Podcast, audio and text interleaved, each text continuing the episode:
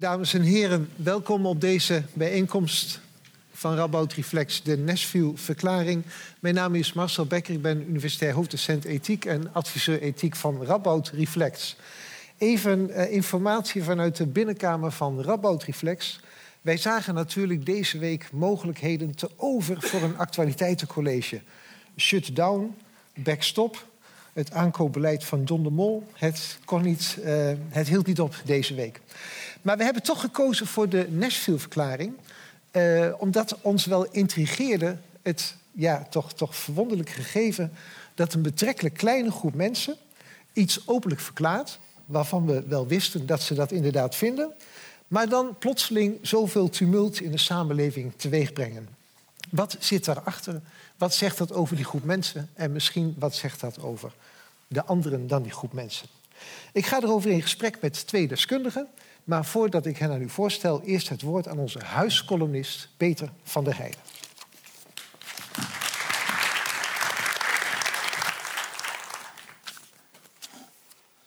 Ik heb me daar eerlijk gezegd nooit zo heel veel bij kunnen voorstellen. Die obsessie van orthodoxe gelovigen met wie en maar hoe, waar, wanneer en bij wie insteekt. En dat terwijl ik gezien mijn achtergrond, ik heb wel een stevig tikkie uit de wat minder moderne protestantse hoek meegekregen, toch tot die doelgroep zou kunnen behoren. Nee, het gefrutsel in de slaapkamer is voor veel mensen al lastig genoeg, zonder dat daar een kerkenraad, bisschop of synode nog eens een plasje over meent te moeten doen. Wat waarschijnlijk ook alweer niet mag van het kerkelijk gezag, overigens. Die kerkelijke mening die klinkt trouwens doorgaans stukken minder luid wanneer het geen vrijwillige, maar afgedwongen seks betreft. Valt mij tenminste op dat over misbruik in kerkelijke kringen vaak minder, milder geoordeeld wordt dan over de, om maar in bijbelse termen te spreken, vleeselijke liefde tussen twee mannen of tussen twee vrouwen. Waarbij de vrouwen er ook nog eens bekaaid van afkomen. Want in bijbelse tijden waren zij van zo weinig belang dat zelfs de lesbienne niet serieus genomen werd en het vermelden nauwelijks waard was in de Heilige Schrift. Maar goed, orthodox-protestants Nederland meende weer eens te moeten laten weten dat het een paar slagen modernisering heeft gemist. En een paar aanpassingen van de grondwet overigens, die discriminatie op basis van seksuele geaardheid expliciet verbiedt en strafbaar stelt. En natuurlijk riep iedereen en zijn moeder er schande van, helemaal toen SGP-leider Kees van der Staaij ook nog eens tot de ondertekenaars van de Nashville-verklaring bleek te behoren. Waarom we daarvan opkeken is mij een raadsel. Als er nu één archaïsch clubje is in Nederland, dan is het wel het groepje broeders van de SGP. Dat alleen in naam en door de rechter afgedwongen vrouwen gelijk behandelt. Laat staan hoe ze omgaan met alles wat niet zo gemakkelijk in bijbelse categorieën valt in te delen door deze van kaft tot kaft gelovigen. Want als je niet oplet, dan gaat je overzichtelijke schepping met toevallig alle voordelen voor de patriarchaat razendsnel naar de galamiezen. Het aardige van die Nashville-verklaring vind ik dat de opstellers ervan, nou ja, ik moet natuurlijk zeggen de vertalers ervan, het is zoals de naam al doet vermoeden gewoon een gekopieerd statement uit de stad van de verfoeilijke en foeilelijke countrymuziek, line dancing en nu dus ook van de rechtlijnigheid, precies menen te weten wat hun God bedoeld heeft. Daar heb ik in de gauwigheid van deze column twee problemen mee. Ten eerste gaan ze eraan voorbij dat er meer redenen zijn om aan het bestaan van een schepper te twijfelen dan om ervan, uit te gaan dat er inderdaad een God is. En ten tweede, wat een ongelofelijke arrogantie om te denken dat je weet wat je schepper bedoeld heeft. Mocht die al bestaan dus. Er zijn aardig wat politici die in navolging van Pim Fortuyn roepen dat de islam een achterlijke cultuur is. Onder andere, en misschien wel vooral, vanwege de fundamentalistische standpunten over vrouwen en homoseksuelen. Ik zou ze graag ook eens horen over het orthodox protestantisme. En wellicht, maar dat is wat link op een katholieke universiteit, over alle religies. Maar ja, het orthodox protestantisme behoort natuurlijk tot onze fameuze joods-christelijke traditie. En dan mag het lekker wel. Eigenlijk is die hypocrisie nog veel erger het veroordelen van islamitische intolerantie, maar het toestaan van christelijke. Ik ben blij dat ik niet meer tot die club behoor. Amen.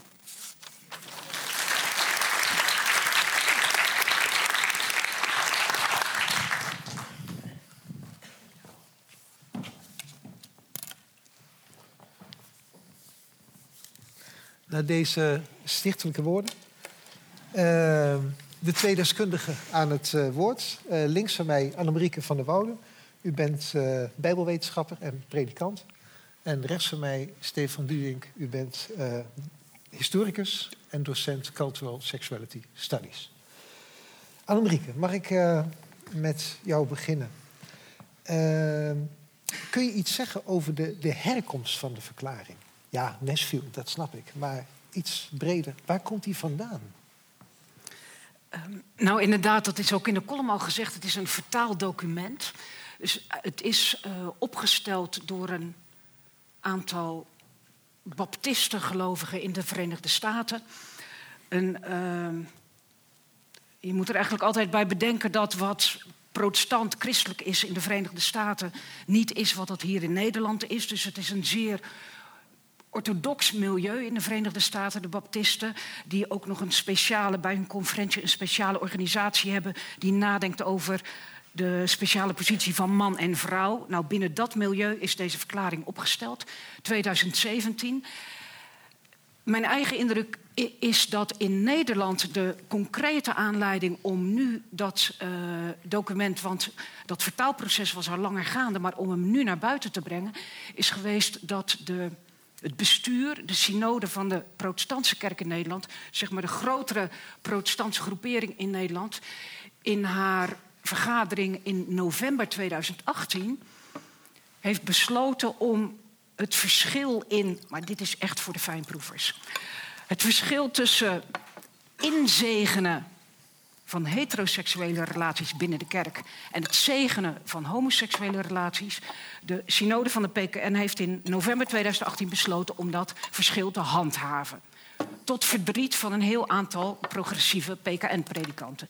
Die hebben daarop gedacht: zo zijn wij niet, wij voelen ons niet. Uh, uh, verwant met dit besluit van onze eigen kerk een statement uitgebracht. Iedereen is bij ons in onze PKN-kerk welkom, of je nu hetero of homo bent. Ik denk dat dat voor de Nashvillers de aanleiding is geweest om te zeggen: oké, nu maken we een vuist en laten wij weten hoe wij erover denken. Ja, zijn er dan binnen de PKN ook duidelijk aan te wijzen geledingen die zich wel in deze verklaring kunnen vinden? Zeker, er zijn ook uh, ondertekenaars vanuit de PKN. Dus eigenlijk de protestantse kerk in Nederland is een, in 2004 een samengaan geweest van gereformeerd, hervormd, Lutheraans. Oh, dat is ook allemaal... Ja, we hebben je... het hier, hè? Dus, dus ja. ja. dat is ook allemaal, nou ja, uh, voor de insiders. Maar de, op dit moment is het zo dat de protestantse kerk in Nederland een heel breed samengesteld ja. uh, gezelschap is van zeer vrijzinnig tot gereformeerde bond.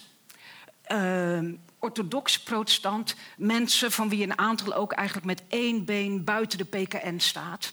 En in, de, in die rechterflank van de PKN zijn ondertekenaars te vinden en bij de hersteld hervormde en bij de gereformeerde gemeente. Dus binnen de PKN zijn predikanten en ook andere prominenten die die uh, Nashville-verklaring hebben ondertekend. Oké, ja. Nou even naar de theologische inhoud. U bent remonstrantspredikant. En de Remonstrantse Broederschap was het eerste kerkgenootschap in Nederland dat homoseksuele relaties inzegende. Wat vindt u als remonstrants theoloog, theologisch van het document dat nou voor ligt? Daar, moet dan iets theologisch niet aan kloppen, of? nu komen we ergens. uh, ja, dus de remonstrants een klein vrijzinnig kerkgenootschap buiten de PKN voor diegenen van u die denken waar gaat dit allemaal over. Dat klopt. Ik ben als uh, remonstrantspredikant werkzaam. Wat ik daarvan vind dat mensen uh, uit de protestantse kerk dit document ondertekenen, terwijl ik zelf tot een kerkgenootschap behoor dat als eerste 1986 het inzegenen, dus niet het zegenen, maar het inzegenen van homoseksuele relaties, uh, daar de deur voor open heeft gezet.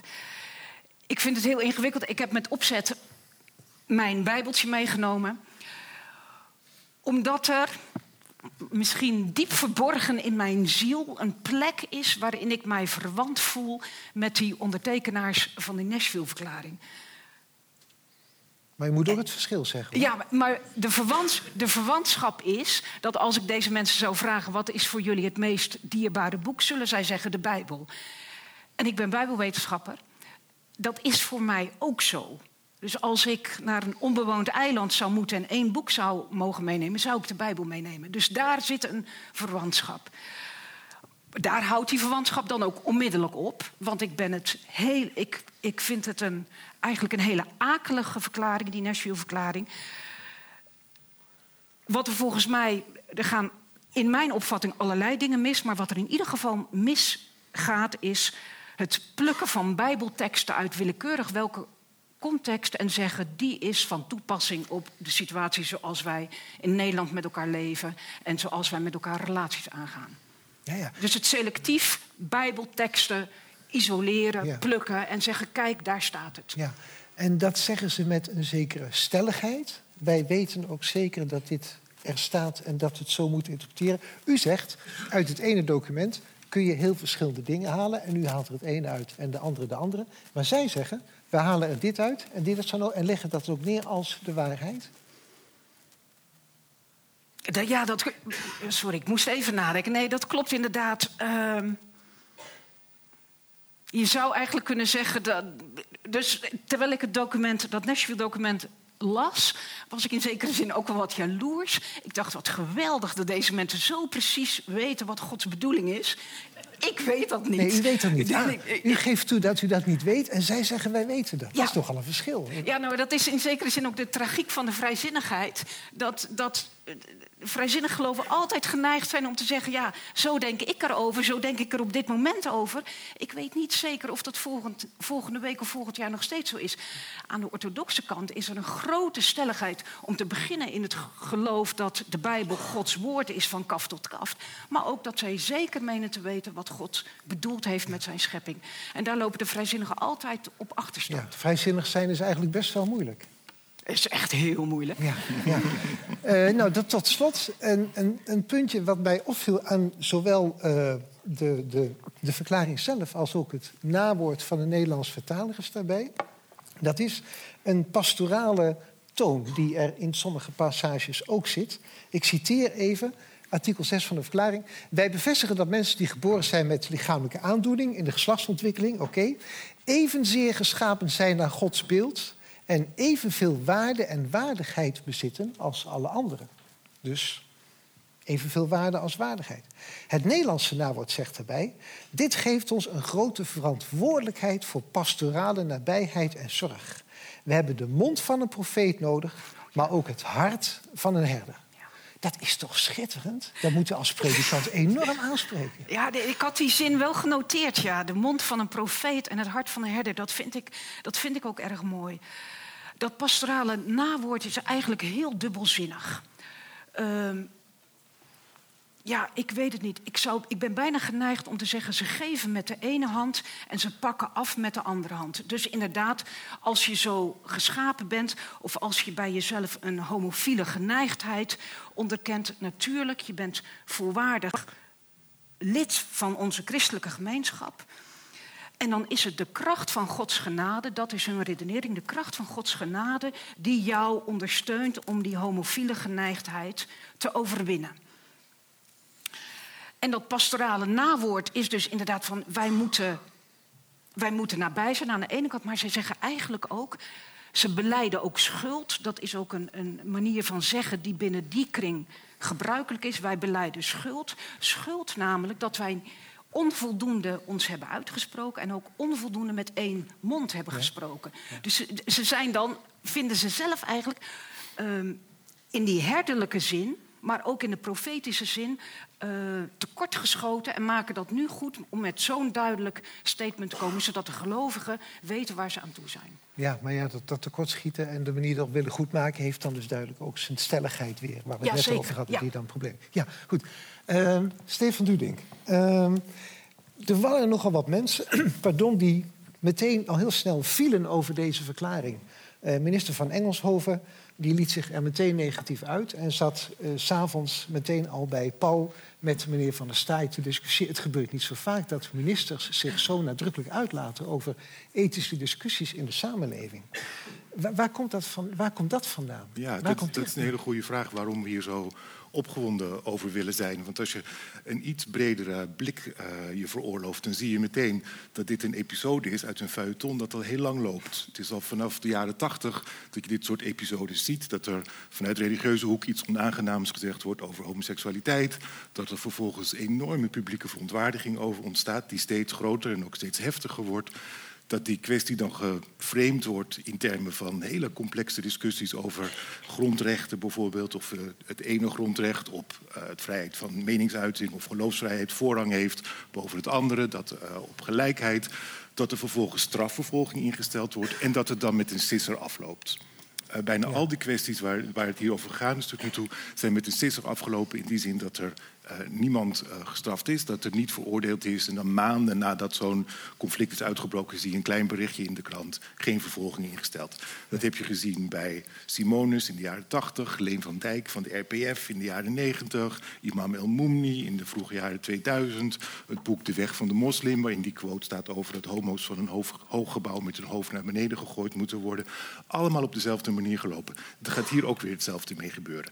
Dus we kunnen ons afvragen, waarom moeten we hier nou precies zo opgewonden over zijn. En ik denk dat een deel van de opwinding verklaard moet worden uit het rituele karakter van uh, wat hier gebeurt. Ik denk dat dit een ritueel geworden is in Nederlandse politieke cultuur. Dit soort opwindingen, dit soort strijd over homoseksualiteit. En het karakter van rituelen is dat ze voor een deel gaan waar ze over lijken te gaan. Dus dit gaat inderdaad voor een deel over homoseksualiteit, gaat voor een deel over transseksualiteit. Maar rituelen gaan ook altijd over andere dingen. En ik denk dat je dit moet begrijpen uit het feit dat rituelen gaan over waar ze manifest over lijken te gaan, maar ook allerlei symbolische betekenis hebben. En ik denk dat dit een hoge symbolische betekenis heeft en dat homoseksualiteit in de Nederlandse politieke cultuur een enorme symbolische betekenis heeft gekregen die homoseksualiteit in enge zin ver te buiten gaat. Dus het gaat over homoseksualiteit, maar het gaat ook over heel veel andere dingen tegelijkertijd. En ik denk dat dat de sleutel is en wat, tot het begrijpen waar, van waar de raakt homoseksualiteit dan zo al aan, waardoor dat dan juist die symboolbetekenis ja. uh, heeft? Nou, wat je ziet in dit conflict is um, heel opmerkelijk dat zowel van uh, orthodox-christelijke kant als van de tegenstanders eigenlijk op een heel opmerkelijk soortgelijke manier gedacht wordt over seks en seksualiteit. Namelijk dat wie je bent op het gebied van seks of seksualiteit, dat dat gegeven is en eigenlijk onveranderlijk. Van uh, religieuze kant wordt gezegd, geschapen naar het beeld van God, geschapen naar de wil van God, onveranderlijk moet zo zijn. In discussies over transseksualiteit wordt gezegd, ik ben nu helemaal zo geboren. Ik ben nu helemaal geboren als een man in een vrouwenlichaam of een vrouw in een mannenlichaam. Onveranderlijk, dit is wat ik wil zijn in discussies over homoseksualiteit, ook weer in reactie op deze verklaring, zie je hetzelfde. Ik ben zo geboren, ik ben nu eenmaal zo. Dus je ziet eigenlijk enorme overeenkomst in denken over seks en seksualiteit. Die gaat over onveranderlijkheid. Iets wat gewoon zo is. Iets wat onveranderlijk is, wat gewoon zo is, waar ik niks aan kan doen. En ik denk dat dat de symbolische betekenis is. Dat homoseksualiteit en seksen in de politieke cultuur van dit moment een soort van fundament lijken te bieden. Een soort van fundament lijken te bieden in een politieke cultuur waar alle andere fundamenten in een hoog tempo aan het verdwijnen zijn. Dus ik denk dat dat een deel van de symbolische betekenis is. Een soort van schijnzekerheid in een politieke cultuur die uh, snakt naar zekerheid. Oké, ja, ja. Goed, er zitten een aantal elementen in waarvan ik denk dat de zaal daar zo meteen zeker op wil reageren. U komt zo meteen nog uitgebreid aan bod staan, maar ik wil graag nog even met u een tweede puntje, puntje bespreken. Dat ontleen ik aan uh, Evert van der Zweer, de collega uh, sociaal-politieke filosofie aan deze, aan deze universiteit. En die zei, ja kijk, als wij aan een, in een liberale samenleving leven... en de mensen die, die, die zich verzetten tegen deze verklaring... die zeggen, dat zijn ook mensen die zich laten vorsten op een liberale achtergrond... dan zouden we toch juist ook als liberalen moeten kunnen accepteren... dat er groeperingen zijn die er heel anders over denken dan wij. Wat we weliswaar verwerpelijk vinden, maar wat we wel juist als liberalen in de pluriformiteit accepteren. Uh, wat vindt u van die, uh, van die reactie? Ja, dat ben ik helemaal met hem eens. Ik ben het helemaal met hem eens. En ik denk eigenlijk ook dat wat mij aan de discussie voor een deel stoort, is het enorme pathos van de critici. Het enorme pathos die suggereren dat homoseksuelen in Nederland eigenlijk nog op de brandstapel worden gegooid. En dat daarom dit zo afgrijzelijk is, omdat de situatie van homo's in Nederland zo kwetsbaar en zo precair is, dat dit eigenlijk te erg voor woorden is dat dit gezegd mag worden. Ik denk dat uh, de liberale critici van deze verklaring zich meer rekenschap moeten geven van het feit dat acceptatie van homoseksualiteit in Nederland eigenlijk hegemoniaal geworden is op dit moment. Dat is het dominante culturele model. En uh, Evert zegt dan ook van ja, dat uh, Van der Sta is bezig met een tegenhegemonisch project. Die probeert een ander soort projecten tegenover te stellen. Dat is zijn goed recht. En dat lijkt mij ook net zo goed als het goed recht van de overige is om dan te zeggen: ik ben het daar volstrekt niet mee eens en ik zie dat anders. Ja, toch vond ik er wel een interessante uh, uh, gegeven in twee verklaringen. Uh, het is ook zo, die Nashville-verklaring die opent heel sterk met het idee van onze manier van leven staat onder druk. Het is heel duidelijk een verklaring die als inleiding heeft van wij worden bedreigd en daar willen wij nu het volgende tegenover staan. Deze week is een verklaring van liefde onder initiatief van Boris van der Ham, voorman van het Humanistisch Verbond, en die een tegengeluid wil geven tegen deze verklaring. En wat, waarmee opent die verklaring van liefde? Met een C-punt. Homoseksualiteit, tolerantie staat steeds weer onder druk. Beide partijen zeggen dat zij het meest onder druk staan. Wie heeft tegelijk? Uh, de orthodox christenen, die hebben gelijk. Ja, ik denk dat, dat te zeggen dat de acceptatie van homoseksualiteit in Nederland onder druk staat. Kijk naar de cijfers van het SCP. Die doet al, dat doet al jarenlang onderzoek naar acceptatie van homoseksualiteit in Nederland. De percentages van mensen die zeggen het is acceptabel, ik vind het goed, ik vind het goed als homo's kunnen trouwen, dat stijgt ieder jaar weer. Het deel van de Nederlandse bevolking dat het niet mee eens is, wordt steeds kleiner. Te zeggen dat dat onder druk staat, te zeggen dat het zo precair is dat je dit soort uitlatingen zou moeten verbieden ja, vind ik een overtrokken vorm uh, van pathos. En ik denk inderdaad dat orthodox christenen uh, veel meer recht hebben om te zeggen dat zij in de problemen zitten. Ja, goed. En of dat erg, ja? is, of dat erg is, iets anders. Maar Gaan we zo aan de theoloog vragen. ja. ja. Uh, het la laatste puntje, de, de strafbaarstelling. Ik was verrast door de vaart waarmee het Openbaar Ministerie aankondigde dat ze gaan kijken of dit strafbaar ja. is. Meestal zijn juristen terughoudend mm -hmm. in de mhm. publiek. Het Openbaar Ministerie is zeker ja. terughoudend met dit mm -hmm. soort uh, aankondigingen. We gaan de strafbaarstelling ja. hiervan onderzoeken. En nu hadden ze het heel snel hadden ze het, uh, paraat. Uh, wat vindt u van die discussie over de strafbaarstelling? Ja. Nou, ik denk dat dit geen kwestie voor de strafrechter is. Ik denk dat de, de uitkomst van die, van die processen, bijvoorbeeld tegen Van Dijk, tegen El Moumni, tegen Simonis, is altijd heel erg onbevredigend. Ten eerste omdat de uitspraak altijd geformuleerd moet worden in de termen van het strafrecht. En dat zijn niet de termen van de maatschappelijke discussie. Dus laten we deze maatschappelijke discussie in die termen voeren in plaats van in termen van, uh, van het strafrecht. En het is inderdaad heel opmerkelijk dat, dat het Openbaar Ministerie hier zo voortvarend is, want in die andere zaken is dat eigenlijk niet geweest. En het, voor een deel is dat denk ik een echo van de hele discussies over islam, waarin uh, de politiek, maar ook het strafrecht veel activistischer is geworden dan het voorheen was.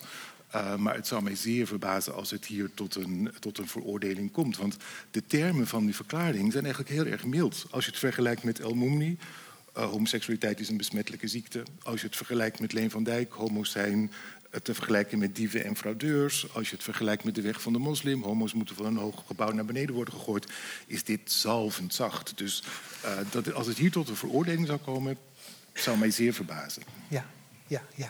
We hebben deze bijeenkomst nog publieker gemaakt dan het er was. Dank voor uw aandacht en uw bijdrage hiervoor. En we zien elkaar binnenkort vast terug over backstop of, uh, of shutdown discussies. Dank u wel voor uw aandacht.